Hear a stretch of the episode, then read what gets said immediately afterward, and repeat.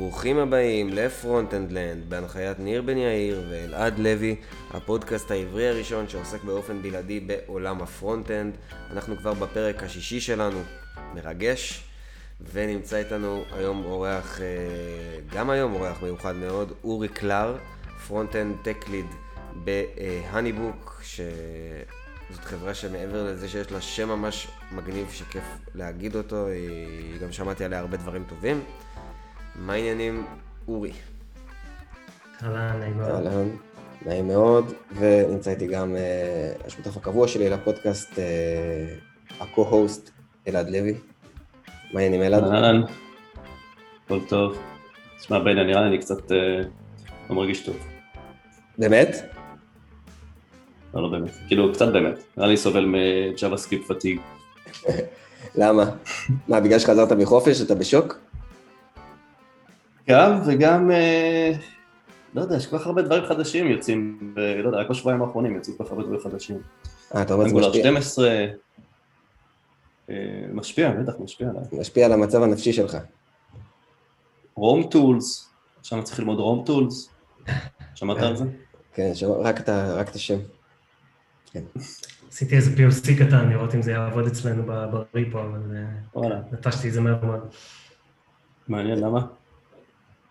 לא, סתם, לא לא היה לי איזה רצון אז להתעסק בזה, סתם אה, רציתי לראות, לראות אם זה עובד. יפה, אז אתה- אתה מתמודד עם זה יותר טוב ממני, אתה לפחות מנסה להתעמק על הכלים החדשים. כן. אז אמור לגרום לך- מרגיש שאני... אה, סליחה. לא, לא, זה אמור לגרום לך כאילו אלעד להרגיש יותר טוב, הוא אומר לך הוא עשה POC ועזב את זה, זה כאילו, כן, אולי עוד לא שם. זה לא עוד לא שם. זה לא- זה לא בשל. אבל לא יודע, אולי, אולי זה הטוויטר עושה לי אה, פומו, שאני רואה את כל הכלים כן. החדשים שיוצאים. כן, הטוויטר, הטוויטר אה, מקום, אה, it's a blessing and a curse, כמו שאומרים. בדיוק. כן. טוב אורי, אז נעים מאוד, אנחנו שמחים לארח אותך כאן איתנו. אנחנו נדבר על כל מיני דברים, בעיקר דברים מעולמות ה-CSS, אבל, אבל לא, לא רק. אני אשמח אם תספר גם לנו וגם למאזינים קצת אה, מה אתה עושה עכשיו, מה עשית לפני זה, איך הגעת בכלל אה, לעולם הזה של, אה, של אה, פיתוח ופיתוח front-end. בכיף, אז אה, תודה שאתם מארחים אותי קודם כל. אה, אז אה, היום אני באמת, אה, כמו שאמרת, front-end lead ב HoneyBook, אני נמצא שם כבר אה, עוד מעט שנתיים.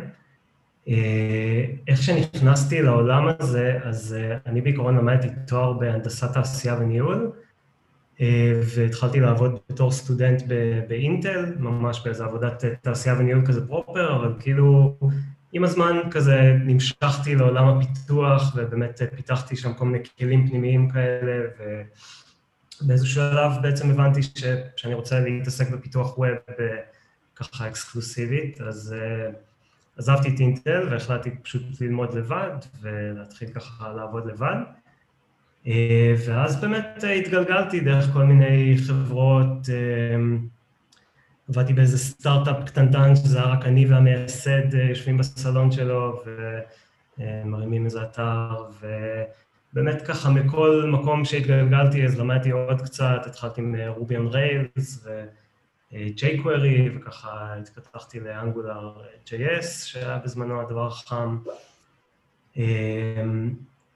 אה, ובאמת לאט לאט ככה התכוונתי, התכווננתי יותר לכיווני ה front-end.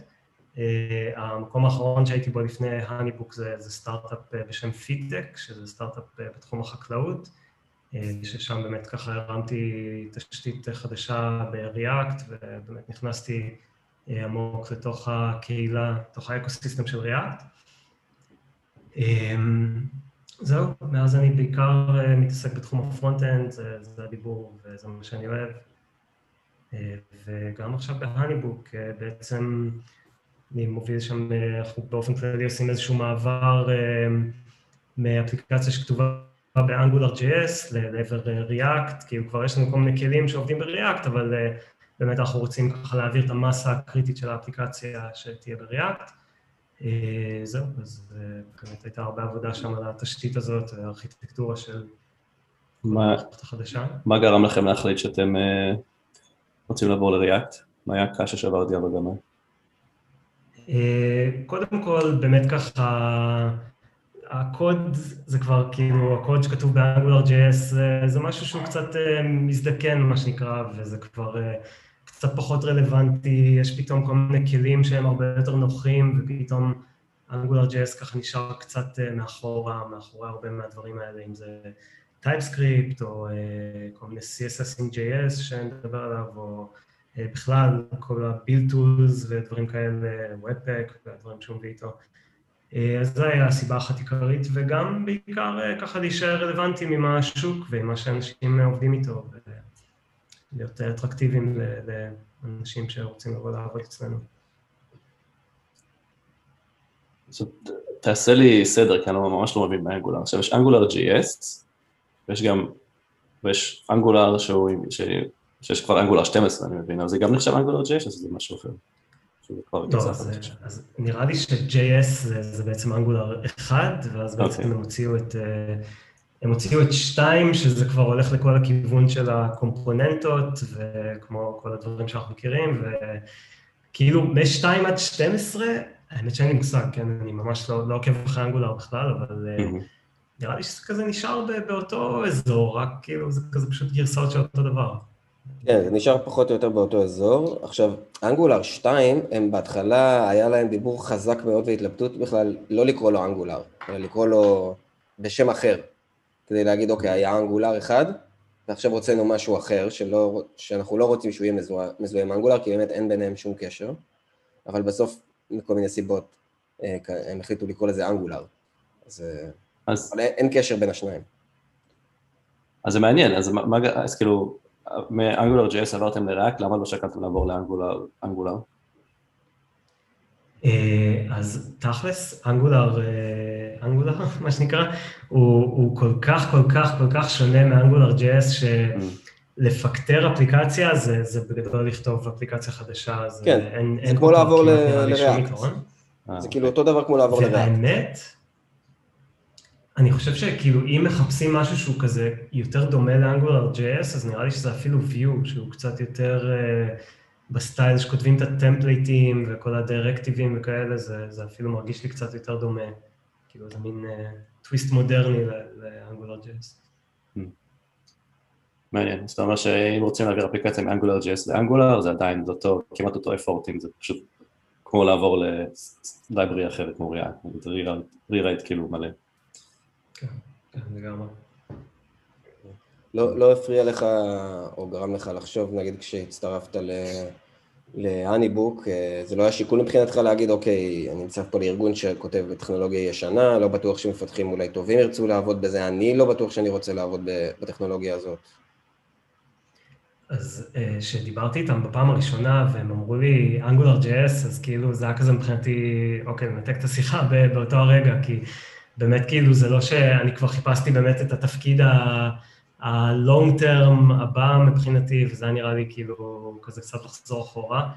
אמ, אבל גם באמת הדיבור על זה שרוצים אה, להשתדרג ולעבור ולעשות מיגרציה, זה ככה אה, שכנע אותי, אבל אה, האמת שבעיקר פשוט שבאתי והכרתי את האנשים וראיתי את החברה, אז I was sold, כאילו, ובאמת... זה כבר, כאילו פתאום התחלתי לחשוב, טוב, מה זה, כאילו קוד זה קוד, מה זה משנה, אנחנו בונים אתרים, כאילו זה כל כך לא משנה. אבל אה, כן, האמת שעכשיו אנחנו כבר אה, עמוק בתוך המעבר, ואני, כן, כבר זיכרון רחוק. מגניב. מאוד רציתי לשאול אותך, אה, הגעת שם ישר לתפקיד של tech lead? זאת אומרת, או שהיית קודם קצת מפתח מן השורה ואז... כן, כן. התחלתי כמפתח מן השורה, ואני lead אה, מזה בערך שמונה חודשים אולי, משהו כזה. אז כן, זה אחרי איזה שנה וקצת בחברה. מה זה אומר בפועל? מה אתה עושה במסגרת התפקיד? אה, אז בגדול, קודם כל, בגלל שאנחנו באמת עכשיו בונים תשתית חדשה לגמרי ב-React, אז, אה, אז זה היה להיות אחראי על כל הארכיטקטורה של הדבר הזה, באמת כאילו מכל הצדדים של ה-CSS ושל איך אנחנו מנהלים את ה-state ובכלל כל המבנה והארכיטקטורה של האפליקציה. וחוץ מזה אני באמת מלווה את הפרויקטי front-end הגדולים בחברה, או הדברים שקשורים לגיוסים של front-end, ובכלל כל התשתיות, אז זה, זה בגדול. אז אולי בקצרה, מה, מה, מה HoneyBook עושה?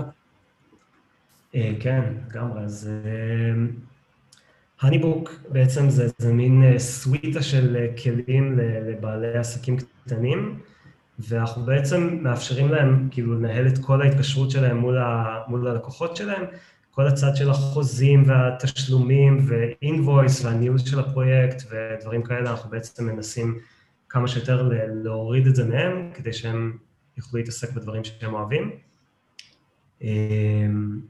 אז כן, אז זה בגדול, אנחנו ככה מנסים אה, להקל על החיים שלהם, על כל הצד של מה שהם לא אוהבים להתעסק בו, זה, זה אנחנו רוצים לקחת עלינו. זה, זה בעיקרון, כאילו דואגים לכל הניהול הפיננסי בעיקר, או שזה מעבר לזה? אה, דווקא, כאילו אנחנו גם מתעסקים בצד הפיננסי ויש לנו קצת אינטגרציות עם כל מיני שירותים פיננסיים וכאלה, אבל אה, זה יותר בעצם כל ההתקשרות של, של, ה, של הבעל עסק מול הלקוח שלו, ממש מהרגע שהוא נכנס כליד, אז נגיד אנחנו מספקים להם כל מיני אוטומציות שהם כבר יכולים לשלוח להם כל מיני דברים, ואז נגיד אה, יש להם כל מיני כלים שבהם הם יכולים לתת ללקוחות לראות את השירותים ולבחור את השירותים ולקבוע איתם אה, פגישה ולשלם ולחתום על חוזים וכל מיני ניהול של ספקים, אם זה כל מיני דברים כמו אה, חתונות, אנחנו התחלנו בעצם אה, מעסקי החתונות, זה היה המוקד העיקרי, אבל עכשיו זה כבר באמת התפתח לכל סוגי עסקים קטנים. אז זה באמת הרבה כלים כאלה ואוטומציות שמאפשרים להם לעשות את ההתקשרות הזאת בקלות. אז אני מעריך שיש לכם סינגל פייג' אפ יחסית מורכב, נכון שהלקוחות שלכם משתמשים, וזה זה, זה, זה המוצר, או לפחות אחד מהמוצרים שעשיתם לו את המעבר ל React? אז בעיקרון יש, יש כאילו, יש גם כל מיני שירותים כאלה שזה נגיד סרוויסים שהיוזרים עושים להם embed בתוך האתר שלהם למשל, אבל בעיקרון כן, HoneyBook המוצר זה איזשהו single page app מאוד רציני, שהוא כתוב רובו ככולו באנגולר ג'ס. דווקא האסטרטגיה שהלכנו היא לא הייתה ממש להעביר את כל המוצר, אנחנו עובדים כבר קרוב לשנה על איזשהו מוצר חדש שהוא די משנה את כל מה ש, שקיים היום בהניבוק, ואותו באמת בנינו מההתחלה כבר בתשתית החדשה. אה, הוא אמנם משתלב בתוך המוצר שלנו, שזה היו שם אה, כל מיני אתגרים, אבל אה, כן, בגדול המוצר החדש, אנחנו בונים אותו לחלוטין בריאקט, והוא באמת אמור להחליף הרבה מהמערכת הקיימת, במקום ללכת ולשכתב דווקא דברים קיימים. זה אחד היתרונות של, של React, שאתה יכול לשלב אותה בקלות uh, בתוך דברים אחרים.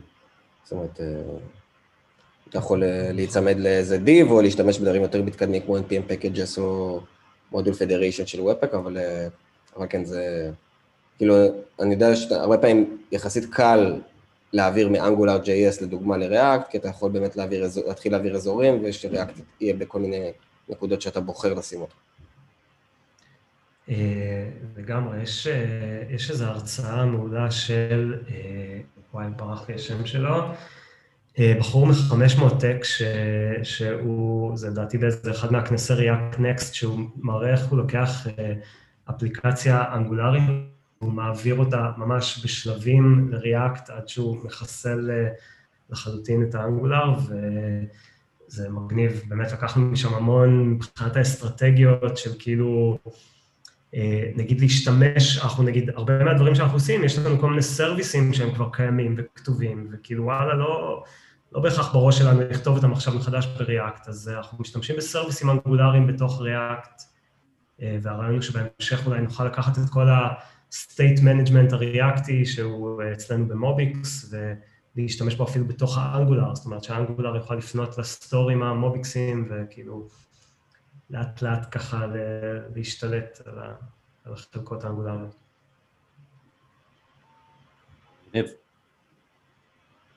אמ, מוביקס, למה בחרתם מוביקס? אני יודע שזה נושא מאוד טעון, state management. הייתה איזו סיבה או שפשוט אה, מצאתם את זה בתור מה שהכי נוח באותו זמן? אה, אז אני חושב שכאילו, ההתלבטויות היו בעיקר מוביקס או רידאקס, כי יש, יש עוד כל מיני דברים שאני שומע עליהם ככה מפה ושם, אבל לא דברים שהם נעוצים כבר עמוק בתעשייה. אז Redux הוא קצת מצריך, קודם כל, אף אחד לא כל כך אהב את Redux באמת מהבחינה של ה boilerplate ובכלל כל זה שכאילו זה, זה, זה הרבה עבודה בשביל משהו שהוא אפשר לעשות אותו יותר בקלות. אני יודע שיש שם כל מיני Redux Toolkit וכאלה שמאוד משפרים את זה. אמ, אבל Redux הוא, הוא קצת, MobX הוא בעצם קצת יותר גמיש, כי בעצם זה, זה פשוט קלאסים JavaScript ים, אז נגיד אם אנחנו באמת רוצים בהמשך אה, מתוך ה Angular לקרוא, לקרוא דאטה מהסטורים של ה MobX, אז זה הרבה יותר פשוט, כי בסוף זה איזשהו class JavaScript י שמקבל קצת super powers, אמ, חוץ מזה, אני מאוד אהבתי את זה, אני באתי עם הרבה היכרות עם MobX, אני אוהב את החופש שזה נותן, ובאמת כאילו, אה, אפשר להגיד שהמינוס הוא קצת בזה, ש, בזה שהוא unstructured, ואז כאילו, אולי כזה, מי שלא פחות מנוסה, אז הוא מרגיש קצת אבוד ולא בהכרח יודע, ולא תמיד יש איזה best practice, אבל, אה, אבל זה פשוט עושה דברים הרבה יותר קלים, זה הרבה יותר straight forward, זה פשוט לקרוא לפונקציה. במקום להתחיל לשגר אקשנים, לתפוס אותם פה, לתפוס אותם שם. אז... כן, נשמע שזה יותר אינטואיטיבי, אתה פשוט, אתה לא, איך ה... כמו אמ, שאתה אומר, את כל ה... הרבה, הרבה אנשים קוראים לזה boilerplate, אבל כאילו את כל האקסטרה קוד שאתה, אמ, או שצריך לכתוב, או שצריך להגדיר בשביל, רק בשביל לקרוא לשינוי state מסוים. אמ, עוד לא, עוד לא, כן. כן. רציתי להגיד על עוד יתרון של MobX, שבאמת אה, ב Redux יש איזשהו צורך לעשות memoization ל state באמצעות מה שהם קוראים לו סלקטורים. נכון. אה, אז ב MobX זה פשוט לא קיים, כי אה, קודם כל יש להם איזה משהו שנקרא computed, שזה בעצם... כן, computed, כן. בדיוק, אז זה, זה באמת עושה memoization בשבילכם, וזה... הופה. זה הטכנית הראשונה שלנו? בפודקאסט? כן, לא היינו מוכנים לזה. חזרת אלינו? כן, מה זה, אני פה על האינטרנט סיבים. תמשיך מאיפה שהפסקת. כן, אז אה, בעצם אה, דיברתי על ה-computed ב MobX, שהוא בעצם מחליף את ה memoization הזה, וגם מעבר לזה, אין שם את כל העניין של ה-connect, שאני צריך עכשיו להגיד לקומפוננטה למה היא מאזינה, אלא פשוט כל observable מוביקסי שהשתמשתי בו בתוך הקומפוננטה, מוביקס יודע אה, כבדרך קסם פשוט להאזין לכל שינוי עליו, וזה אה, מאוד יעיל מבחינת הביצועים, וזה מאוד נוח מבחינת החוויית מפתח. אז אם כבר נכנסים לעומק פה, אז בוא נאתגר אותך עוד קצת. איך נגיד במוביקס, אני יודע שברידאקס, אז מהר מאוד, ברגע שאתה מתחיל לשחק עם state שהוא מורכב, אז מתחילים לדבר על נורמליזציה. כלומר, הופכים את ב-client side, אה, שיוצג כמו ב database, אתה מנרמל אותו, ככה שאתה מאנדקס את הדאטה שלך לפי IDs, ואז יש לך גם אה, של, כל אה, מה-ID לאותו entity. בנוסף לזה, גם אם יש לך nested entities, entities זה דבר uh, שהוא גם יחסית uh, נפוץ באפליקציות uh, בינוניות ומעלה, שנגיד יש לך entities שהם עם רפרנס לאנטיטי אחר, אז נורמליזציה, אז כשאתה מנרמל את הדאטה, אז זה בעצם פותח לך את הבעיה הזאת של, של, של הניהול של המידע הזה, כי הוא מנרמל את הכל לאותו level, עם, שוב, עם array של IDs ומאפס גם של מ-ID ל-entity. אז איך, איך האתגרים האלו, האלו נענים ב-MobX? האם זה בכלל בעיה? קודם כל, באמת, אם, אם כאילו ה-data, אם זה מאוד משהו שהוא שיקול מאוד מרכזי ב-data שלך ואיך שהוא בנוי, אז uh, יש גם משהו שנקרא MobX-State-Tree, mm-hmm. שהם ממש כאילו נותנים לך למדל את הדאטה ואת כל הקשרים בין, ה, בין המודלים, וממש למדל אותו כמודלים, ואז באמת כאילו דואגים לכל הקשרים האלה. אני בעבודה הקודמת התחלתי לבנות עם זה אפליקציה, ופשוט באיזשהו שלב שכתבנו את זה, כי היה לנו הרבה בעיות של פרפורמנס עם זה, ולא יודע, אולי פשוט לא השתמשנו בזה נכון, אבל זה, זה עשה לנו הרבה בעיות.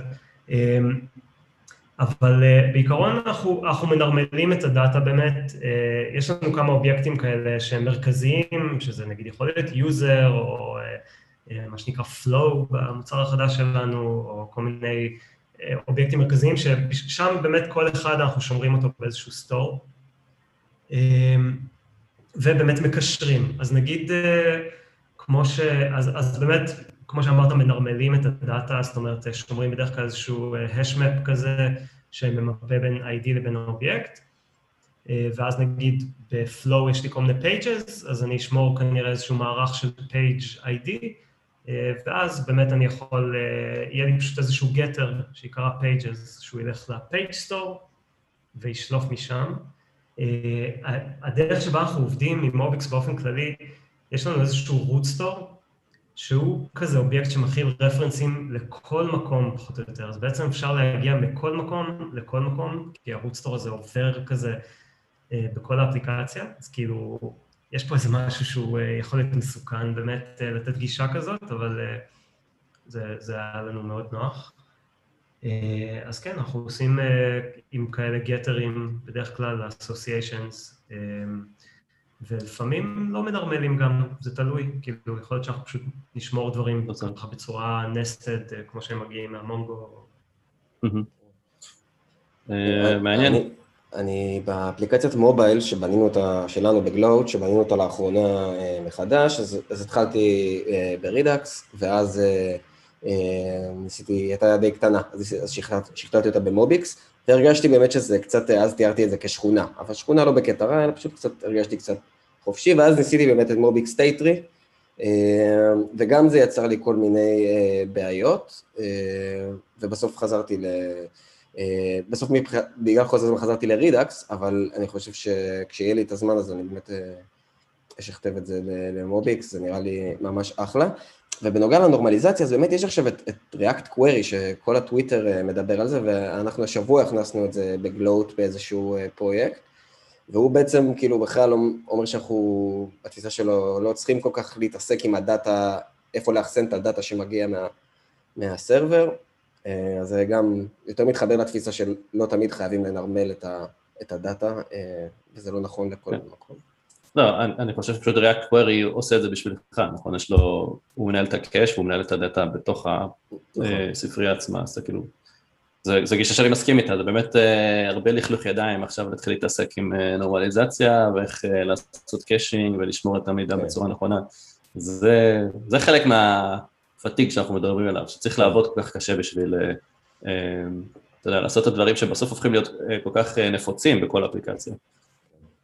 אז לדעתי זה כיוון טוב. גם עכשיו יש את Recoil, שגם מתחיל לצבור תאוצה, וגם שם נראה שהם מספקים לא יודע אם קוראים לזה נורמליזציה, אבל הם מספקים כאילו את הקונספט של הנורמליזציה built in, כאילו כבר בספרייה, אתה לא צריך לדאוג, אתה פשוט, אה, כל עוד יש identifier ל-entity או למה שאתה אה, מטפל בו ב-front-end, אז הם ידעו כבר אה, לנהל את זה בצורה יעילה וחכמה. אז כן, נראה שזה הכיוון הגדול, שזה פשוט, לא אנחנו נצטרך לדאוג לזה. אז React Query שציינת זה, זה ה-FOMO הכי גדול שלי, כאילו, לא, לא רק בגלל שכולם מדברים על זה, אני באמת פשוט רואה את ה-value proposition שהם מביאים, וזה באמת נראה לי מדהים, כי כל כך הרבה מההתעסקות שלנו היא עם לנהל data, פשוט לש... לעשות caching ל-data שמגיע מה-server, כאילו, ו, ובאמת אין לזה סיבה, ובכלל גם זה שהם מרעננים שם כל דבר, אה, מאחורי הקלעים, זה, זה נראה לי מדהים, והלוואי ואצליח לשלב את זה. ב...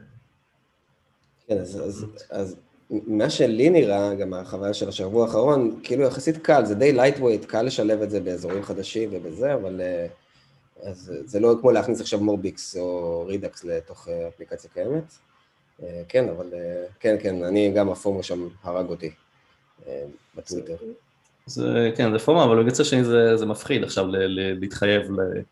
לספרייה שאתה לא בהכרח יודע, אתה יודע, איך, איך, איך, גם אתה לא יודע איך היא, איך היא תחזיק מעמד ב-use cases שיהיו לך, כאילו, וגם אתה לא יודע אם אפילו, אם, אם, אם היא בשלה לזה, נכון? כי זה עוד יחסית חדש. ואז נכון.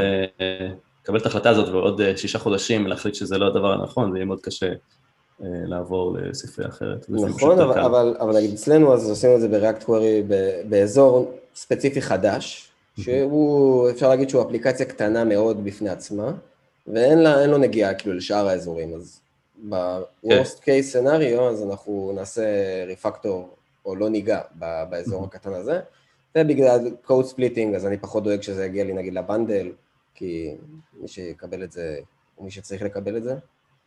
אמ, כן, גישה זה ככה זה מעולה. כן. אומרים, לגבי מה שאמרת, ש- nobody got fired for choosing Redux. כן. כן, אז React Query אולי, אולי כן. Redux. נכון, נכון, נכון. אה, אז מה ילד, יש לך עוד דברים שאתה רוצה לשאול לפני שאולי נעבור לנושא שלשמו התכנסנו? אה, לא, לך על זה.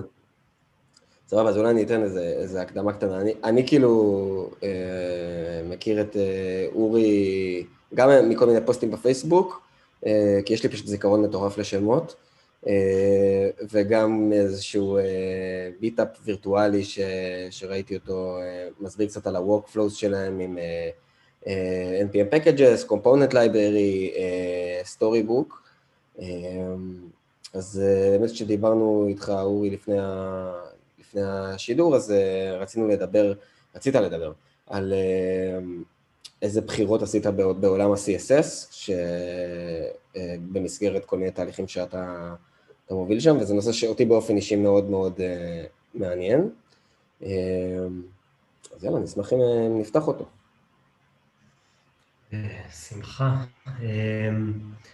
אז, אז קודם כל, ככה לגבי CSS באופן כללי, כאילו נראה לי שבאמת כולם, כאילו CSS זה משהו שמסתכלים עליו בתור איזה משהו כזה קל ובקטנה, אבל כאילו ברגע ש, שגדלים קצת בסקייל, אז זה נהיה בערך הדבר הכי uh, מפחיד וכואב באפליקציה לפעמים, ובאמת כאילו... כל הרעות החולות של CSS, שנגיד נובעות מה-Global Namespace, בעצם כאילו אנחנו בתור מפתחים לא, לא שמים Global Variables כמעט uh, בשום מקום, אבל בעצם ב-CSS פשוט הכל הוא גלובלי, ו, וכאילו זה יכול לבוא לך מכל כיוון שהוא, ובאמת uh, רק, רק כשאשכרה מריצים את האפליקציה ועושים אינספקט לאלמנט, אפשר באמת להבין את כל ה-CSS שחל עליו, כי אין, אין באמת דרך טובה להבין את זה לפעמים דרך האפליקציה, דרך הקוד, כאילו. אמ, ו, ובאמת, אה, כאילו, קור... מגיעים למצב הזה ש, שלמחוק CSS זה פחד אלוהים, אף אחד לא מעז לעשות את זה, וכאילו, מה שתמיד אה, כנראה אנשים ילכו ויעשו, זה פשוט יכתבו עוד איזה override ועוד איזה important ועוד איזה משהו קצת יותר ספציפי, ו... וזה באמת נהיה מאוד לא manageable. אז באמת עכשיו שככה התחלנו לחשוב על, ה, על כל הארכיטקטורה החדשה שאנחנו רוצים בהניבוק, אז uh, מאוד התלבטתי בין... Uh, uh, בעצם האפשרויות שאני ראיתי היו או להמשיך עם מה שיש לנו, שזה סאס ביחד עם. Uh, אתם, אתם רוצים קצת לבאר מושגים כאלה, או שאנחנו... אה, סומכים על המאזינים שלנו שמכירים את זה. וואלה, דווקא נראה לי בנושא של בם אולי תן רק איזה משפט, וש, ושילכו לחפש בגוגל, אבל, אה, אבל איזה משפט. סבבה. אז, אה, אז בגדול, BEM זה, זה לא באמת איזשהו כלי, זה יותר מין מתודולוגיה, זה יותר סט חוקים של איך לכתוב את ה-CSS בצורה שהוא ככה יהיה מנג'בילי וקל לניהול. ו... כן, אני, אני לא באמת ארחיב על מה זה, על איך זה וכאלה, זה באמת אפשר לראות בגוגל, אבל uh, קודם כל זה קצת מכוער. הרבה אנשים מאוד לא אוהבים את זה, כי זה יוצר קלאסים נורא ארוכים עם כל מיני אנדרסקורים ומקפים וכאלה. Uh, וב' הבעיה, זאת אומרת, מה שהיה לנו עד, עד אז, זה היה באמת סאס עם בם, וזו הייתה הבחירה הקלה, כי זה גם מה שהמפתחים בחברה הכירו. Mm-hmm. אבל כאילו אני הרגשתי שהבעיה של בם זה פשוט שזה זה סוג של המלצה, זה מתכון, זה איזושהי מתודולוגיה ללכת לפיה, אבל אין שום דבר שבאמת אוכף את זה בקוד. זאת אומרת, האדיטור לא יצעק עליך אם, אם כתבת, אם לא הלכת לפי הסטנדרטים של BEM. ובאמת זה, זה גם גורם לזה ש, שלא תמיד ה-CSS נכתב בצורה ש, שהוא היה אמור להיכתב. ואני גם גיליתי הרבה בעיות של דיסקברביליות. בעצם כש, כשכותבים SAS אז יש את הסימן האמפרסנד, איך... אני חושב שבתיכון קראו לזה ברווז. לא אצלי. בתיכון שלי לא דיברו על זה אפילו, איזה, אני לא יודע מה אתם... באיזה תיכון הייתם. למדתי מחשבים בתיכון. אז הברווז זה ה-ampersand. אז, אז פשוט בעצם ב-Sass אפשר לעשות הרבה nesting, ואז כאילו עושים לזה קצת abuse, שבמקום לכתוב את השם המלא של ה-class, מתחילים לעשות nesting עם ה-ampersand הזה, ואז כשמחפשים איזשהו שם של class, זה, זה בלתי אפשרי בעצם למצוא אותו, כי הוא, הוא מפוצל בכמה שכבות של היררכיה. אז זה עוד חלק מהבעיות שבעצם ראיתי עם BEM. ואז ככה הכיוון השני שחשבתי עליו זה בעצם CSS modules, ש-CSS modules זה בעצם, זה CSS לכל דבר, כותבים את זה כמו CSS, רק שבעצם במקום לכתוב את ה-class name, אז עושים איזשהו אימפורט לאיזשהו אובייקט JavaScripטי שהוא מכיל את כל ה-class names שלי בקובץ, ואז אני בעצם משתמש באובייקט ה-JavaScripטי הזה, ולמה אני צריך אותו? כי ה-class names שאני כותב, זה לא באמת ה-class names שיהיו בקוד אחר כך. כל הקטע זה שזה בעצם הולך ומייצר כל מיני שמות רנדומליים, כדי לפתור כל מיני בעיות של CSS, של, של התנגשות של ה-Global Scope. אז זה היה ככה הכיוון שהלכתי אליו אחרי זה, כי באמת אמרתי, טוב, זה מצד אחד מאוד דומה ל-CSS, זאת אומרת, אני לא צריך להתחיל עכשיו ללמד אנשים דברים חדשים, ו... וזה מאוד מתחבר לאיך שאנשים אוהבים לעבוד. ומצד שני, זה פותר באמת את הבעיה של ה-Global Scope בצורה טובה. אבל לא הלכנו על זה בסוף, כי זה, אני מרגיש שבאמת יש לו, יש לו קצת חסרונות ל-CSS Modules, כל מיני דברים של nesting, שנגיד זה, זה קשה לעשות שם, ה-Developer Experience הוא מאוד מבאס, TypeScript, עשיתי איזשהו POC כדי לעשות TypeScript עם CSS Modules, הייתי צריך בשביל זה לג'נרט על כל CSS file עוד נקודה DTS file, וזה היה נורא, זה פשוט הציף את האפליקציה בקבצים, אז, אז גם ירדתי מזה. ובסוף הלכנו על Styled Components, שזה ככה מז'אנר ה-CSS in JS.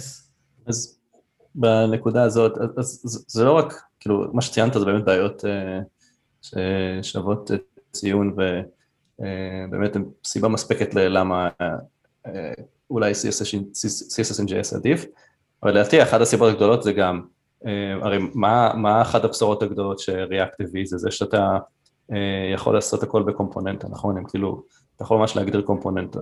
עכשיו, לפני ריאקט או לפני הקונספט שהם הביאו של קומפוננטה, כשנגיד היית רוצה, אם היית רוצה לבנות קומפוננטה, אז היה לך את ה-JavaScript של אותה קומפוננטה, היה לך עוד קובץ ל-HTML, היה לך עוד קובץ ל-CSS.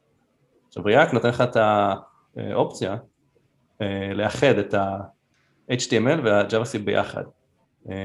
וזה גרם לזה שכאילו זה הרבה יותר קל לעשות reusable components, לשתף, לשתף קומפוננטות במקום למקום וגם הלוגיקה נמצאת במקום אחד. כי פעם נגיד נגיד לך Handlebars או איזושהי שפת טמפלטים שלך לוגיקה מפוצלת, חלק ב-template, חלק ב-JavaScript. ואז כאילו, ואז אתה חושב, אוקיי, אז מה, מה השלב הבא כדי ש, ש-component באמת הוא component ה-self-contained, אז זה גם, אז, אז גם ה-CSS, נכון? כי עד עכשיו ה-CSS הוא קובץ נפרד, ולפני שהיה את הפתרון של CSS עם JS, הדרך לעשות את זה. אז לדעתי זה, זה אחת הבשורות החיוביות שהמתודולוגיה החדשה הזאת מביאה, זה שאתה, יכול יש לך קומפוננטה שמוגדר שם הכל, ה-CSS, ה-JS וה-HTML. לגמרי, לגמרי, זה, זה כל כך משפר את החוויה ש, שלא צריך לקפוץ עכשיו בין קובץ לקובץ תוך כדי עבודה. והדבר השני שאני חושב שזה נותן, זה בעצם ה, ה, היכולת למחוק CSS ולדעת שאם עכשיו מחקתי קומפוננטה, אז גם מחקתי את כל ה-CSS שקשור אליה, ולא יישאר לי כאיזה Ghost CSS במערכת לשנים שיבואו. אז אה, זה חד משמעית, היכולת למחוק CSS, מאוד חשוב. גם זה ב-context, אתה רואה את הסטיילים ב-context של הקומפוננטה, אז אתה יותר מבין מה CSS אמור לעשות. אה, ואני חושב שבסוף, כאילו מה שאני מאוד אוהב ב-styled component, שפשוט באמת יש את כל הכוח של JavaScript בידיים שלך, כשאתה כותב CSS, ואפשר לעשות importing, ואפשר לעשות פונקציות וחישובים ו-props, ולשים TypeScript על ה-CSS שלך, כאילו, אמ, וזה לגמרי מדהים. מה, ש, מה שהאמת חשוב לציין, כי אני חושב שזה משהו שאולי קצת אה, כאילו מתפספס בדיונים על הדברים האלה, שבשורה התחתונה אפשר לעשות הכל בכולם. זאת אומרת, אפשר לעשות כל דבר, גם ב-CSS, גם ב- Styled Components, גם ב-CSS Modules, ובעצם זה, זה כאילו אין, אף אחד מהספריות האלה לא מוסיפה איזושהי יכולת שרק היא נותנת, אה, אבל כן, זה עדיין אה, הבדלים מאוד גדולים. לגמרי. יש עוד, עוד יתרון שאני מוצא בשימוש ב-CSS ואנחנו גם משתמשים ב-styled component אצלנו. אנחנו עובדים עם Storybook, תכף נדבר על זה קצת, אז אני רוצה... שומעים אותי רגע? משהו התנתק לי פה. כן. אוקיי. אז הרבה פעמים אני רוצה נגיד לרנדר קומפוננטה ב Storybook, נגיד יש לי כפתור ויש לו ארבעה גדלים, small, medium, large ו-extra large, ועכשיו אני, אז אני מחזיק היום את, ה, את הגדלים האלה בעצם באובייקט JavaScript. אה, ואז לפי האובייקט JavaScript האלה אני יודע גם לרנדר אותו, אני רץ על האובייקט הזה באיזשהו map ומרנדר אותו ב Storybook, ומחר כשאני אוסיף עוד גודל חדש, אה, או כן, עוד גודל חדש או עוד וריאנט, אז בעצם ה Storybook תמיד יודע לרוץ על, ה, על האובייקט הזה, כי הוא מחובר ל JavaScript, ואני לא צריך בעצם לעדכן את ה Storybook, אה, אני יכול תמיד לקבל את המידע שלי מה, מה JavaScript. אז זה גם עוד יתרון. עכשיו נזכרתי גם בלי קשר, בשיחה שהייתה לי ולאלעד לפני שלוש וחצי שנים כשעוד היינו בגלוט וכתבנו בסאס. אה, ואני זוכר שאמרנו, אוקיי, CSS, CJS נהיה, נהיה הדבר, מה, מה אנחנו הולכים, ואני זוכר שמה שהמשפט שהיה שם, נראה לי אתה אמרת את זה, בוא נחכה ונראה מי ינצח. זאת אומרת, איזה ספרייה תנצח. והיום נראה לי אפשר להגיד ש styled components די, די כאילו ניצחה בתחרות הזאת. כן, שרדה לפחות. כן, כן. אה, כן, זה באמת היה מאוד מבלבל אז באותו זמן, כאילו כי היה glamor, היה CSS in JS, סליחה, היה styled components, והיה עוד איזה אחד או שניים, שזה כאילו, כל אחד לפי הפרויקט GitHub נראה באמת מדהים סוף הדרך, לכולם היה תיעוד ממש טוב, אה, אבל כן, אם אתה, עד שאתה לא מלכלך באמת הידיים עם הספרייה, אתה לא באמת יודע מה, איפה החולשות ומה הבעיות. כן, דרך אגב, אורי, אתם משתמשים ב Emotion, לא? לא, לא, ב styled components, פורטר. זהו, רציתי להגיד שזה עוד FOMO שלי, זה שאני עובד עם זה ולא עם Emotion. כן. אני יודע שזה הבדלים מאוד מאוד דקים, אבל כן. האמת שעכשיו גם הטרנד החדש ב-CSS in JS זה, זה ספריות CSS in JS שבעצם מאפשרות static extraction, זאת אומרת ש... שהסטיילים בעצם נוצרים בזמן הבילד. אה, זירו רנטיים, מה שנקרא, זירו רנטיים. נכון, זירו רנטיים. כן, זה, זה, זה הטרנד החדש, אבל אה, כן. בסדר, אנחנו בינתיים בסדר עם זה. כן, זה נראה לי, מי שמוביל את הטרנד הזה זה מרק אה, דלגליש, שהוא היוצר של CSS מודולס. כן. כן, ודי, אני, לא, אבל, אבל זה כבר אי אפשר, די, כאילו, אי אפשר, לעמוד בקצב הזה. אבל זה, בסדר, אי אפשר לעמוד בקצב, אבל זה נראה שזה הכיוון, כי הרי גם, כן. עכשיו זה ב-CSS, אבל לפני זה זה היה גם ב-HTML, נכון? אז יש את ה... טרנד של, אה, לא טרנד, אבל של... עכשיו הרבה ספריות מרנדרות, או מנסות לרנדר את הקומפוננטות React עוד, עוד ב build, כדי כן. לחסוך זמן אה, רינדור, אה, קצת שרת וב client. אז זה נראה שזה, זה הולך לכיוון הזה, כל האופטימיזציות האלה כדי לשפר את ה-user experience. אז אתם משתמשים ב styled components? אנחנו משתמשים ב styled components, כן. אה, רק בגלל, כי אני החלטתי ש... כי התחלנו פרויקט חדש והיינו צריכים להחליט איזושהי שיטת אה, אה, CSS, אז כן, אז הלכנו על CSS עם JS, על סטייל קומפוננטס, אבל אנחנו משתמשים בזה רק כדי לעשות שינויים קטנים, כי אנחנו משתמשים כבר בספריית UI, פנימית, אז כאילו, אז הכל כבר בא בילט-אין, אז אנחנו לא נוגעים ב-CSS יותר מדי. אמ, אבל גם אם היינו צריכים, אני רואה, כאילו, אני רואה כמה פשוט זה היה לבנות uh, קומפוננטות כאילו מאפס.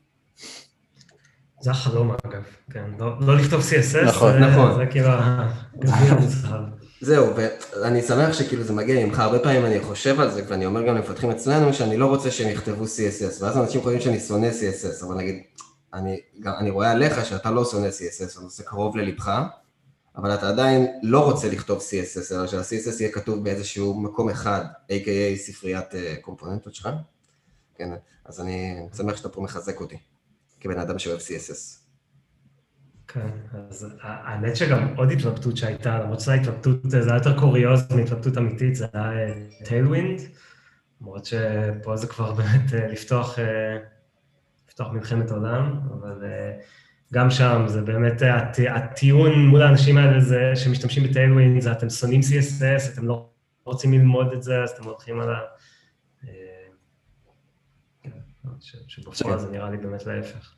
כדי להבהיר מה זה, מה, מה זה Tailwind, או מה ההבדל בין Tailwind ל-CSS in JS. אני גם לא מבין את כל ההבדל, אבל זה פשוט אה, איזשהו אה, ספרייה של CSS helpers, נכון?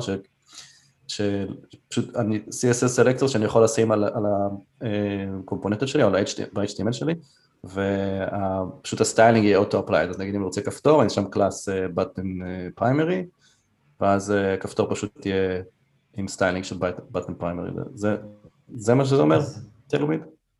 שזה יותר מזה. לא בדיוק, Tailwind הם לא נותנים קלאסים כמו button primary, אלא בעצם כל קלאס שלהם זה, זה ממש שורת CSS אחת. זאת אומרת, יהיה לך אלמנט שהוא נגיד button, אז יהיה לו BR8, וזה אומר border radius 8 פיקסל או משהו, ויהיה לך flex ו-align center, ויהיה לך איזה 300 קלאסים על כל אלמנט.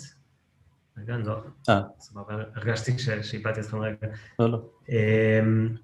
אז, אז הרעיון הוא באמת לא לכתוב CSS בכלל, אלא רק uh, לכתוב המון המון המון utility classes כאלה, אבל uh, מעבר לזה שלא כותבים CSS, אני חושב שהכוח האמיתי ומה שמגניב בטיילווינד זה שהוא נותן איזה מין design system כזה out of the box, כי בעצם זה, זה, מייצר, זה מייצר לך מין uh, color scale ו-spacing scale, וכאילו כל הדברים האלה כבר, זה בעצם נורא עוזר לשמור על עקביות, כי, כי בעצם אפשר להשתמש רק במה שקיים, זאת אומרת, אני לא יכול להמציא פתאום, רגע, נראה לי שכזה, זה צריך להיות פה 13 פיקסל margin top, mm-hmm. כאילו, שזה כזה מידה שלא קיימת אצלנו, אני יודע. אז Tailwind דוחף את כל הדברים האלה, וזה נראה לי באמת... אבל זה כן נותן לך לעשות override ל default style, נכון? אז אם אתה רוצה לשנות את ה-default border radius, אתה יכול לשנות את זה, ואז פשוט ישנה את זה כן. כולם. חד משמעית, ובאמת לייצר פלטות צבעים משלך, ובעצם יש קובץ קונפיגורציה שהוא בעצם בונה את Tailwind בדמותך, מה שנקרא, לפי איך שאתה מקנפג. אז כן, זה פרויקט מעניין, אני לא יודע אם הייתי בוחר בזה למשהו ב scale כן. של חברה עם הרבה מפתחים, אבל... אני, אני מאוד מתחבר ל... ל אני, כשאני חושב על זה בראש שלי, אני מתחבר ל Tailwind כקונספט. זאת אומרת, אני אוהב את הקונספט, אבל אני לא אוהב לרשום class names, אני חושב שאני יותר אוהב את הגישה הריאקטית של props. נגיד יש לי היום קומפוננטת Box, שיודעת לקבל props כמו display flex, align items שווה center, justify content שווה center, זה כאילו לא, זה לא אני, זה גם material UI משתמשים בקונספט הזה. ו... אז, אז זה גם כאילו כמו Tailwind, רק שבמקום classes אתה משתמש ב props. אבל כן, Tailwind באמת לקחו את זה לאקסטרים, ונראה שזה להרבה אנשים באמת בפרויקטים מסוימים עובד, יש לזה מלא הייפ ומלא הייטרים. אבל כן, בואו נראה מה, יקרה עם זה. אז אורי, מה היה בתהליך הזה בעצם של, מה עוד היה בתהליך בנוגע להטמעה של CSS בפרויקט החדש הזה שאתם עושים, או בתשתית החדשה שאתם עושים? אז האמת שמשהו שאתה אמרת הרגע זה היה משהו שהוא היה התלבטות מאוד גדולה אצלי ואני כאילו הלכתי לכיוון הזה ואז חזרתי אחורה. בעצם כאילו נורא התלבטתי האם אני רוצה קומפוננטות שבעצם אני אעביר להם props והם נגיד קומפוננטות כמו flex ו box וכאלה ש... Mm-hmm. ש... שמאוד אהבתי את זה, כי באמת זה מאפשר לי uh, להגביל את השימוש בהן לשימוש, נגיד, באמצעות TypeScript ולהגדיר כל מיני דיפולטים. אני יכול באמת לתת למפתח כבר uh, להעביר רק את הדברים שנתמכים. Uh, אבל הסיבה שבסוף לא הלכנו על משהו כזה, זה כי כאילו הרגיש לי ש, שמה ש, שקורה בסוף, תמיד כותבים איזשהו CSS אקסטרה, אז כאילו זה יוצא שחלק מה-CSS כתוב uh, כ-CSS וחלק כתוב בתוך ה-JSX כפרופס, ואז כאילו זה, זה בעצם יוצר איזה שני מקומות שצריך uh, להסתכל עליהם. אז, אז בסוף לא הלכנו לכיוון הזה, אז זו גם הייתה איזושהי התלבטות שהייתה שם בדרך. אה, אז רגע, אני אשאל אותך שאלה על זה. אז נגיד יש לך עכשיו איזה קומפוננטה חדשה שהמעצב יצר, ויש איזשהו modal, ויש בתוכו 4-5 דיבים, אה, ובין ה div הראשון לשני יש 24 פיקסלים margin, לשני שלישי 50, הכל נגיד ספייסינגים שיש ב design system, לפי הזה. אה, ובכל אחד יש, אז איך אתה, אתה בעצם צריך לכתוב styled components בשביל הדבר הזה, בקובץ של ה modal הזה, אם אני מבין נכון. אמ, כן, באופן כללי, כאילו, אנחנו לא כותבים קלאסים, זאת אומרת, כל, כל style הוא בעצם מוכל באמצעות styled components, אין לנו איזה קובץ CSS עם, עם קלאסים, אז... אה, לא, אבל נגיד את ה modal הזה, היית עוטף אותו בעצם ב... ב... הוא היה styled component, כאילו, נכון? אם אני מבין כן, נכון. כן, כן, כן. אוקיי. אמ, אבל אה, באמת, לגבי מה שאתה אומר, אז כאילו חשבתי איך, איך אפשר לאכוף בעצם שמפתחים לא ישתמשו ב space... spacing שלא קיים ב scale. נכון. והפתרון באמת הכי, הכי uh, טוב לזה, זה, זה, זה כמו שאתה אומר, זה קומפוננטת box שיש לה props, והם מוגבלים ב TypeScript, ו, ואפשר להעביר רק אה, אחד מהסקיילים האלה, זאת אומרת, אפשר להעביר רק אחד מה... ולא יעזור כלום. ואז הכיוון השני שחשבתי זה לעשות איזשהו אובייקט של spacing, ואז כל פעם שמפתח יכתוב margin left, הוא יצטרך להשתמש באובייקט spacing הזה, הוא יצטרך להגיד spacing נקודה 16. אה, אה, ואז ברגע שהתחלנו לעשות את זה, זה הרגיש לי קצת מפגר, אמרתי כאילו, אני יכול באותה מידה לכתוב את כל הדברים האלה באיזשהו תקציר ב GitHub, איך זה נקרא? ב template של ה-code reviews. אה, של ה-code reviews, כן. כן, וכאילו, בואו תסתכלו אם כי, כי באותה מידה המפתח יכול לכתוב 16 פיקסל ולא להשתמש באובייקט הזה, אז כאילו... כן. אז, אז זה מרגיש לי כמו קרב ש, שהפסדתי בו קצת באיזשהו מקום, כי באמת אה, זה, זה כמובן שזה נפרץ, כן? כל דבר שלא כן. אוכפים אותו בסוף נפרץ. כן. אבל uh, אני בסדר עם זה. choose your battles. בדיוק.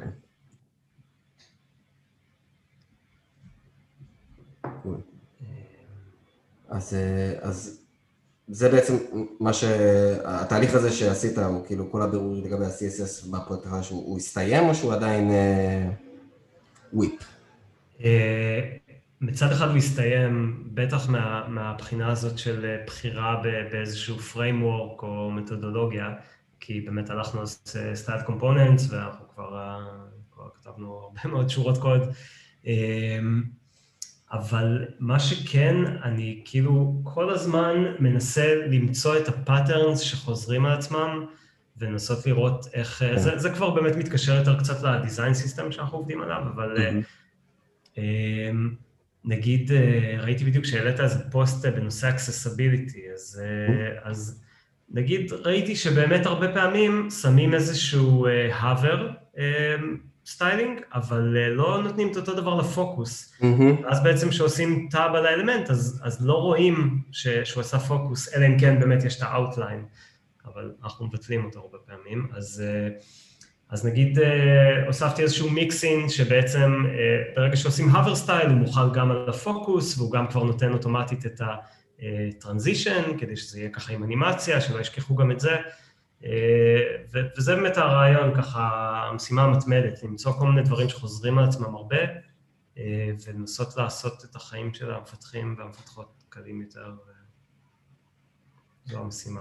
כן, זה לא רק ב-CSS, זה גם בקוד, כאילו, כאילו כל אה, תבניות שחוזרות על עצמם, בכללי בפיתוח תוכנה, אתה מנסה למצוא להם פתרונות גנריים עם הזמן. כן. זה, זה הדבר הכי, הכי גדול שלמדתי ממך, אלעד. אה, כן, זה הדבר הכי גדול שלמדתי גם מעצמי, אתה, כאילו זה דברים שאתה חווה, חווה על בשרך בסוף, כאילו נכון. שאתה רוצה לעשות ריפקטור למשהו שפתאום דופליקטד, אתה יודע, זה כמה פעמים בכל הקוד בייס שלך. כן. אז ברגע שאתה חווה את הכאב הזה, אז אתה מבין, אתה אומר לעצמך, לעולם עוד. כן, כן. ואתה חושב על...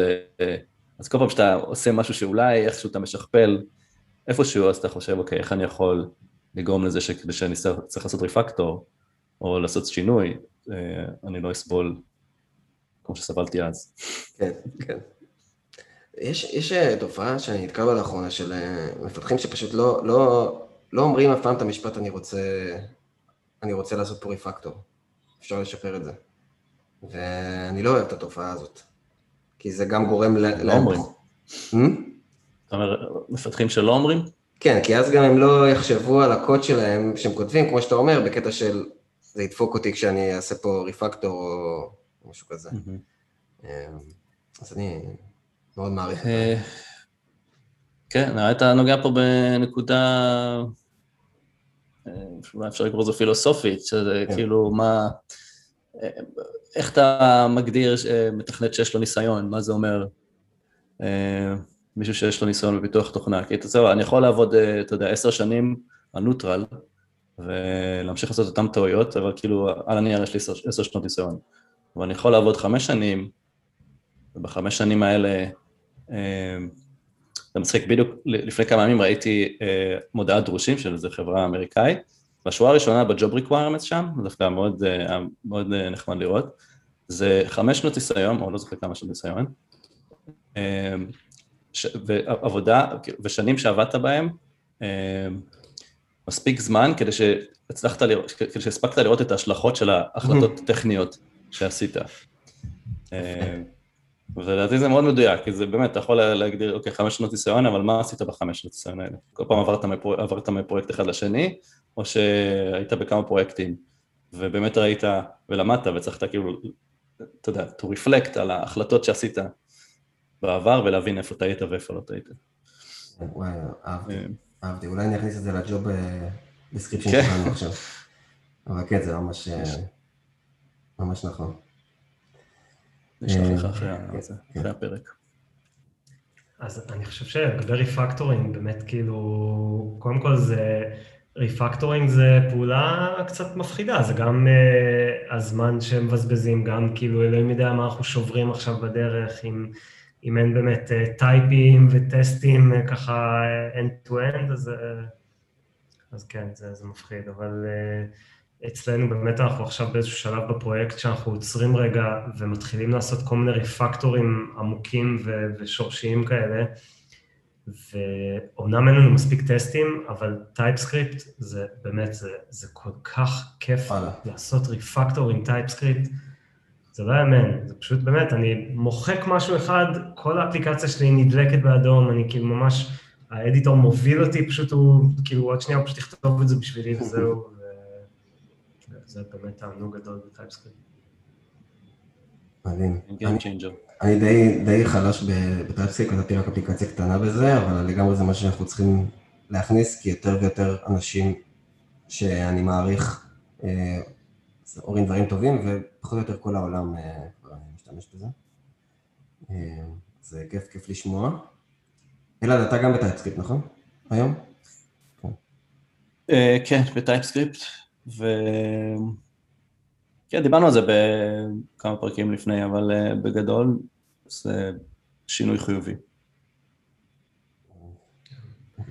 אני, אני חושב שהחשש העיקרי של, של אנשים זה, זה שזה מוסיף overhead, זאת אומרת, זה, זה כאילו מה עכשיו, אני צריך ללכת ולכתוב טייפים לכל דבר, כאילו אני, אני פשוט כותב את הקוד שלי, למה אני צריך עכשיו להוסיף? כן.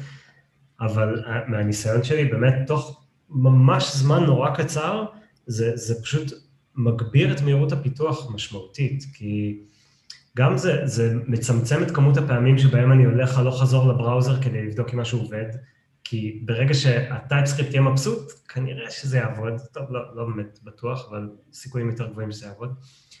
אמ, ו- וגם זה, זה באמת עוזר כבר לתכנן את הקוד מראש, ואני mm-hmm. מרגיש שזה באמת, אה, שהפרודוקטיביות רק עולה תוך, תוך זמן קצר, היא באמת רק עולה. אורי, אז אולי אה, תספר לנו קצת על אה, איך אתם עובדים באמת עם ה-components package שלכם, אה, design system, storybook.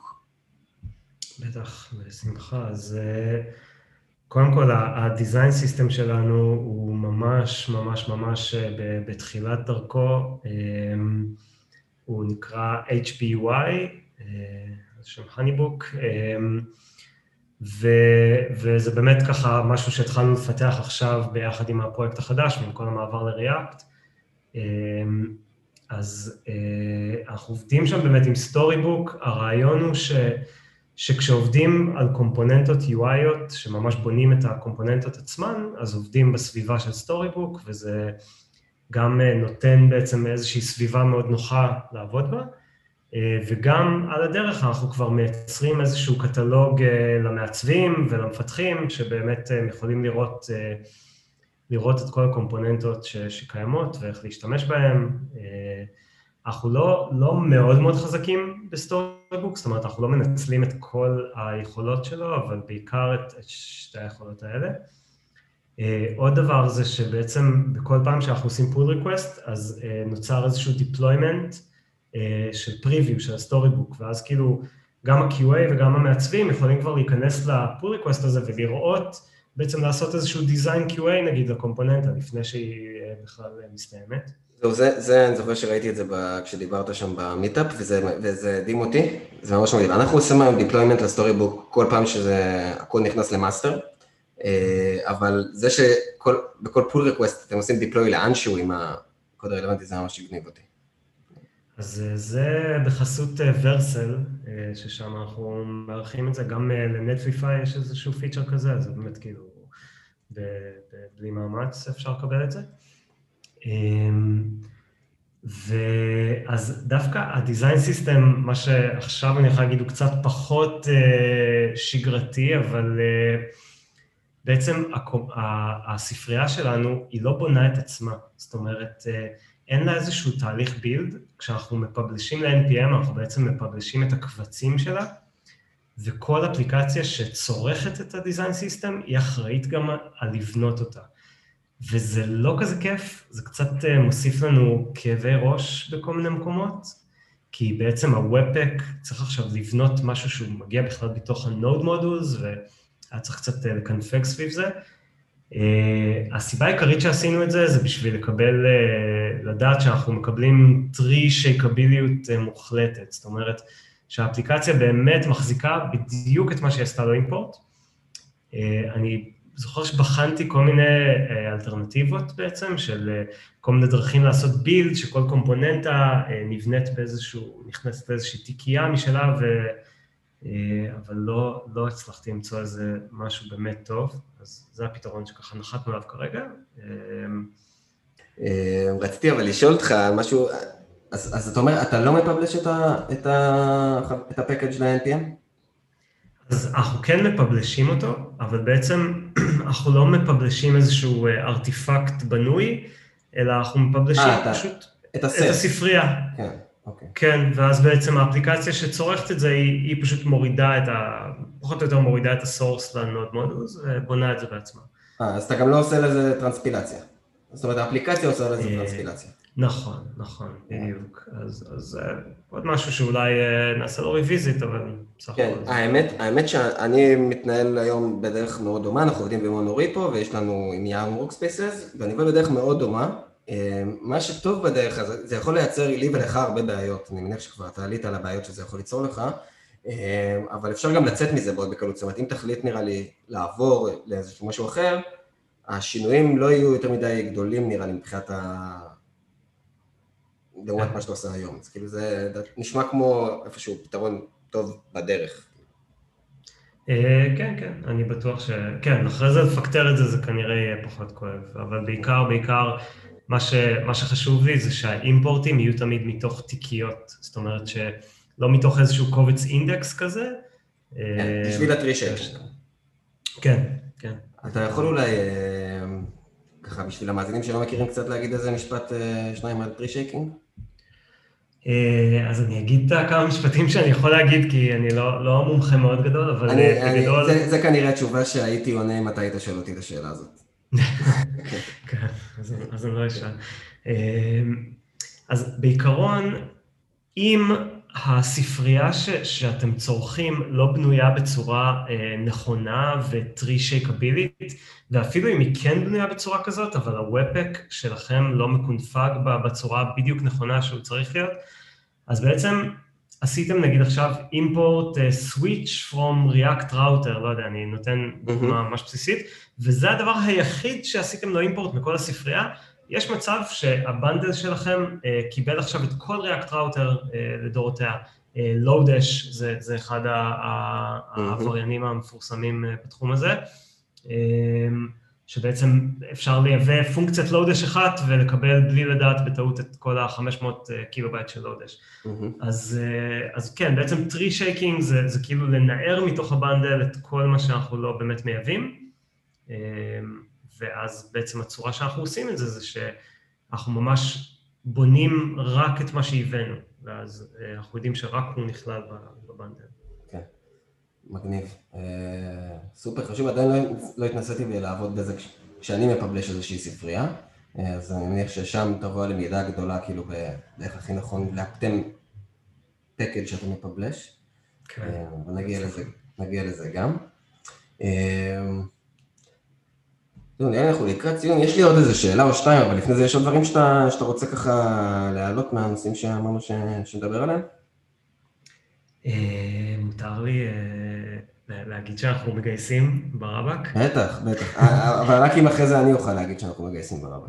בכיף, בכיף. אז, אז בואו להניבוק, בואו, אנחנו גדלים, צומחים ורוצים אתכם.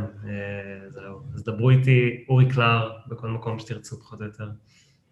אה, זהו, הנה, סיימתי את ה-shameless plug שלי. לא, הכל טוב, אני גם שמעתי אה, המון דברים טובים לאורך השנים על HoneyBook, גם מאנשי product, אה, גם ממעצבים, אבל אם כבר מדברים על זה, אז אתם ב HoneyBook, אתם עובדים, יש לכם צוותים, יש הפרדה בין front-end ל back-end? אז בעיקרון אנחנו עובדים באיזשהו מבנה של סקוודים, קומנדו זה נקרא אצלנו, שבעצם זה מין צוותים שהם כוללים את כל הפונקציות, שזה בעצם front-end, back-end, product, QA, design, data analyst, כאילו בעצם כל הפונקציות בתוך צוות אחד, ואז הוא יכול לעבוד באופן עצמאי. ובעיקרון, בהתחלה של HoneyBook, אז רוב המפתחים היו full stack, ויש לנו באמת הרבה מפתחים שהם full stack, והם באמת עושים גם front-end וגם back-end. אה, אבל בזמן האחרון אנחנו, יש לנו כבר הרבה פרונט-אנדים שהם באמת אה, רק נטו פרונט-אנדים, אה, וזה הכיוון. כן. וכמה נגיד היית אומר מפתחי, כמה מפתחים יש backend front-end בחברה וכמה מהם front-end? וואי, אני לא, לא אספור פה ב live, אני חושב שאנחנו כרגע משהו כמו 14 פרונט-אנדים, אני חושב, פרונט-אנדים נטו, ויש עוד בערך, נראה לי אותה כמות של full סטקים. הבנתי, מגניב, מגניב. אז אתה בעצם אה, סוג של tech lead של, של כל הפרונט-אנדים, או שיש עוד איזה מישהו שהוא עוזר לך? יש, יש הרבה אנשים שעוזרים לי, אבל, אה, אבל כן, כאילו מבחינת ה front-end, אה, אני אחראי ככה בצורה רוחבית על, על ה front-end. אה, וכן, כמובן, גם אני נמצא בתוך צוות, וכל המפתחים נמצאים בתוך צוותים. זאת אומרת, אתה גם, אתה גם חלק מ squad. כן, כן, כן, בטח. זהו, זה, אני, אני עכשיו, לפני חודש קצת יצאתי מה, מה squad שהייתי בו, אה, כי גם אני מתעסק קצת בדברים אחרים של product, וגם קצת בניהול HR יותר. אה, כן, אבל להיות בסקוואד זה, זה כיף, זה כיף. כן, זה נחמד, באמת כאילו... סתם, ניתן איזה קוריוז, אנחנו ישבנו ואמרנו, מה, חשבנו על דרכים שאנחנו יכולים אה, בעצם לשפר את המדדים שלנו, את ה-KRים שלנו, אה, של הצוות, ואמרנו, נגיד אחד המדדים שלנו זה לעזור ללקוחות של HoneyBook להביא יותר לידים, בעצם להם להביא יותר לקוחות משלהם. ואז ככה אמרנו, אה, הם עובדים הרבה דרך ה Gmail, בואו נבנה להם איזה Gmail extension, Chrome extension שיתחבר להם ל Gmail ויאפשר להם אה, וככה מאיזה מין אה, כזה brainstorming, זה הפך להיות איזה האקתון ואיזה שבוע ככה, שבועיים של עבודה, ואשכרה יצא מזה מוצר שהוא ממש יצא מתוך הצוות. ו... וואלה, מגניב. אז, אז זה באמת נחמד ש... ש... שאפשר לעשות דברים כאלה. כן, נראה לי זה, זה האסנס של, ה, של הסקואדים, כאילו זה הרעיון, שכאילו יש לו את ה-KPI שלו והוא צריך למצוא בעצמו את, את הדרכים אה, להגיע אליהם. אה, קול, קול. היו לי עוד כמה דברים שרשמתי לי פה, אם יש לך עוד כמה דקות, בטח, כן. אה, שרציתי לדבר עליהם.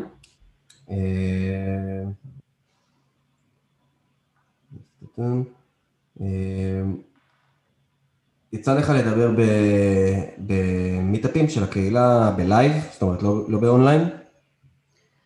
אה, לא, לא יצא לי, אבל אה, זה מצחיק שאתה שואל, בדיוק היום שלחתי איזה מין אה, כזה RFP, או איך שזה נקרא, ל- לאיזשהו כנס של, של גיק טיים, שיהיה בסוף חודש יוני, אז כן, אז יש מצב שזה יהיה הפעם הראשונה. מה, איזה נושא אם אתה, אם אתה יכול לחשוף? כן, בטח, בטח. הטייטל הוא, אה, זה הכל בשביל הטייטל, היה לי פשוט טייטל, ואז אה, זהו, מצאתי אה. סיבוב הרצאה. הטייטל זה מה שלוקח, מה שמנצח את זה, כן. אז הטייטל הוא אה, Styled Components, The Good, The Bad and The Ugly, אה, שבו אני אדבר על Styled Components, בעיקר על כמה שזה מדהים, אה, אבל גם קצת על אה, באמת אה, best practices, bad practices, ו... א' נשמע כמו הרצאה שהייתי רוצה להיות בה ממש, אז go for it ובהצלחה עם זה. אה, ואם כבר הזכרת bad practices, good practices ו-the bad, יש לי איזה חוויית אה, bad אחת אה, עם סטאט קומפוננט, שנראה לי דווקא שאני אנסתי אותה קצת להיות, זאת אומרת, זה אני אשם, לא הפקאג', אבל עכשיו אנחנו במצב נתון. יש הרבה פעמים שאני מעביר פרופים לסטאט קומפוננט והם מתחלחלים ל DOM, שאני לא רוצה שהם יתחלחלו ל DOM. זאת אומרת, פתאום אה, יש לי ב DOM div שיש לו prop שקוראים לו margin top. נתקלת ב- בתופעה הזאת ב styled component? אז, אז בהחלט נתקלתי, והנה, יש לי פה בשבילך את, ה, את ה fix, אז ב... רגע, אתה- תביא לי את should forward prop? לא, לא, לא. אז מה? אני מביא לך משהו שיצא בגרסה 5.1, אני רואה, זה נקרא טרנזיאנט פופס, שזה בעצם פרופים שיש להם דולר בשם. כן. ואז בעצם זה המוסכמה שברגע ששמים דולר בשם של הפרופ, אז הוא לא מחלחל אדום. כן. אז אה, זה לא יצא ו- ומה אתה חושב, אתה משתמש בזה? כן, בטח, כי, כי זה פשוט אה, זרק לנו שגיאות, זה פשוט זרק לנו שגיאות ב... עדיין קורה לפעמים, כן? אה, כן. שלא משתמשים בזה. כן. אז חד משמעית, ברגע שגיליתי את זה, וואו, זה ממש לא מזמן, ו- וזה מאוד שימח אותי. מגניב, מגניב. לא, אני חושב שהזכרת את זה, נזכרתי שראיתי את זה אז, ואני זוכר ש... וואי, שכחתי מזה לגמרי, ואז הראיתי את זה לצוות שלי, והם הזדעזעו מהעובדה שצריך להוסיף דולר לפרופים, בעוד אותי זה לא זעזע. אה, אז אני פה, אני פה איתך. דברים שמזעזעים אותנו. כן, כן, אבל אותי זה לא זעזע. אז אני... סתם, סתם כי זה מזכיר לאנשים את אה, ג'יי קווירי, כן? כנראה שכן, כנראה שכן. כן. אה, מגניב, אורי. אז אנחנו... וואי, עברה שעה נראה לי. יפה, כן, יפה. נתנו פה דיבורים. אולי נפצל את זה לשני פרקים אפילו. אה, קול. אז אה, מאוד מאוד נהניתי. תודה ש... אה, שהצטרפת אלינו. אפילו אני חושב שבגלל שיש לי פה את הרשימה של הדברים שיכולנו לדבר עליהם, יש פה מספיק חומרים אפילו לעוד, לעוד פרק. אז, אז אולי ניתן לך קצת חופש. ניתן לך קצת חופש ואז נקבע שוב. אה, וזהו. תודה רבה, אני אני מאוד נהניתי, אז אה, אז כן, אשמח, ב- בכיף. כיף. עד כאן הפרק השישי של Front-End-Land, תודה רבה לאורי קלר, ואני גם אגיד בהזדמנות זו שאנחנו בגלורד גם מגייסים, אז אם אתם מחפשים את האתגר הבא שלכם ובא לכם לעבוד במקום מגניב ומקצועי, חפשו אותי ברשתות החברתיות, ניר בן יאיר, ונתראה בפרק הבא.